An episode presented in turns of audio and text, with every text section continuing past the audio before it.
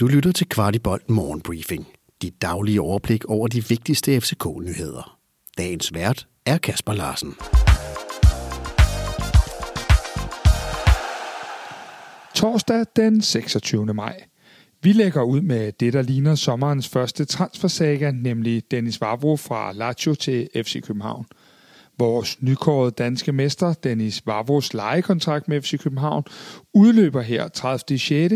og nu er spørgsmålet om hans fremtid i fuld gang. Tidligere har Tuto Merca Tovep skrevet, at FC Københavns købsoption er op imod 60 millioner kroner. Det har PC dog nedtonet. Ifølge øh, Cita Celeste vil FC København have rabat på stopperen, hvis man vil købe ham. Vavro har i øvrigt selv gjort det klart, at han vil blive i FC København, og det giver også god mening, at FC København ikke kan eller skal betale op imod 45 millioner kroner for en 26-årig forsvar. Ifølge Kvartibolds oplysninger vil prisen være omkring 30 millioner kroner for, at FC København vil være med. Dette vil nok være noget, vi kommer til at følge rigtig meget op på, indtil den ligesom er lukket, fordi det virker til, at der er interesse fra alle tre sider, og det kun er økonomiske knaster, der skiller parterne. Den tidligere FC Midtjylland-forsvar Alexander Scholz er angiveligt på blokken i FC København. Scholz har siden sit ophold på Heden spillet i J-League for Urawa Red Diamond.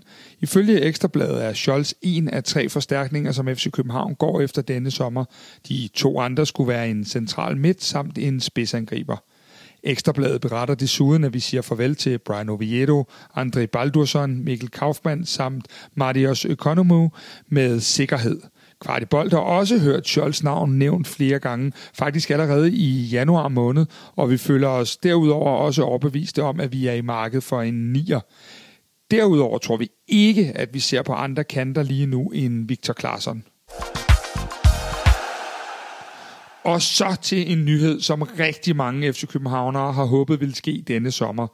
Vi har forlænget aftalen i dag med det islandske angrebstalent Ori Oskarsson, så kontrakten nu løber frem til sommeren 2025.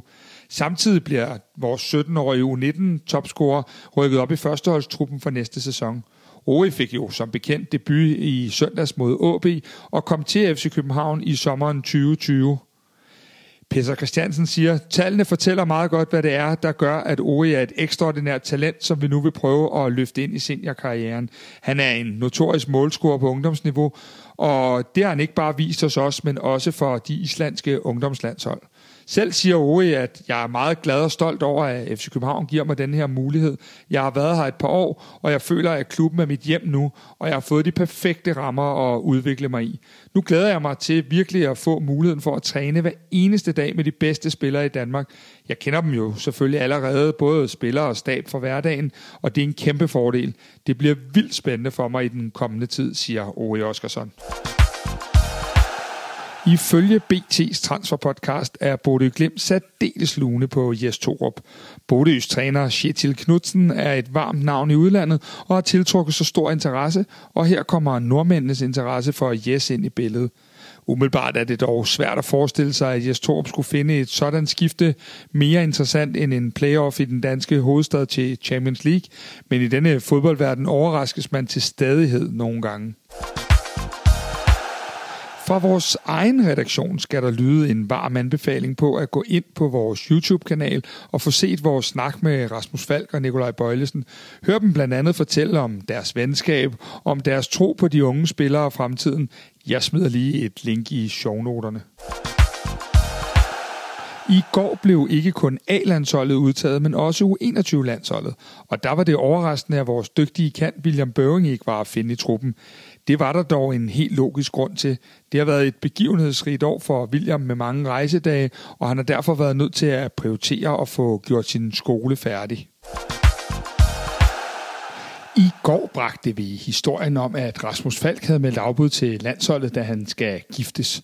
Nu fortæller landstræner Kasper Julemand, at det kan få konsekvenser for Falk.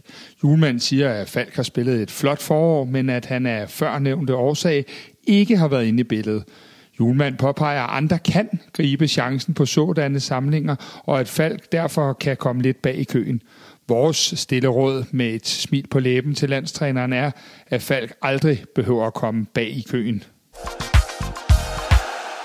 Brian Oviedo vendte i sommeren 2019 tilbage til FC København, hvor han som bekendt tidligere havde været med stor succes. Her i anden omgang er det ikke blevet til den spilletid, hverken han eller klubben havde håbet på, og han er nu færdig i København. Oviedo fortæller, at der er masser af efterspørgsel fra hans hjemland Costa Rica, og han er i kontakt med to klubber. Vi vil egentlig gerne bare sige tak for denne gang til Brian, der altid har fremstået sympatisk, men som klubben nok godt havde set skifte allerede i sidste transfervindue. Efter redaktionens deadline spiller U19-drengene pokalfinale mod Lyngby. Der ville kvartibold normalt være at finde, men vi er rykket ind i parken, hvor vi optager en lang evaluering af sæsonen 2021-2022. Den glæder vi os til at udsende igennem hele juni måned i flere afsnit. I morgen er der sidste morgenbriefing før sommerferien, og der håber jeg at kunne bringe en nyhed omkring en event Kvartibold har stablet på benene her før sommerferien. Vi håber rigtig meget at se jer alle sammen til vores event, som vi ja, vil kommentere nærmere på i morgen. Du har lyttet til Kvartibold Morgenbriefing. Vi er tilbage igen i morgen tidlig med byens bedste overblik over FCK-nyheder. Vi er meget interesserede i at vide, hvad du synes om vores morgenbriefing, og hvad vi kan gøre for at gøre den endnu bedre. Brug et par minutter på at give os feedback. Der ligger et link i shownoterne til et spørgeskema. Den her udsendelse kan kun blive til, fordi en del af vores lyttere støtter os med et lille måligt beløb. Vil du også støtte Kvartibold, så vi kan lave endnu mere kvalitetsindhold om FC København, så ligger der et link i shownoterne.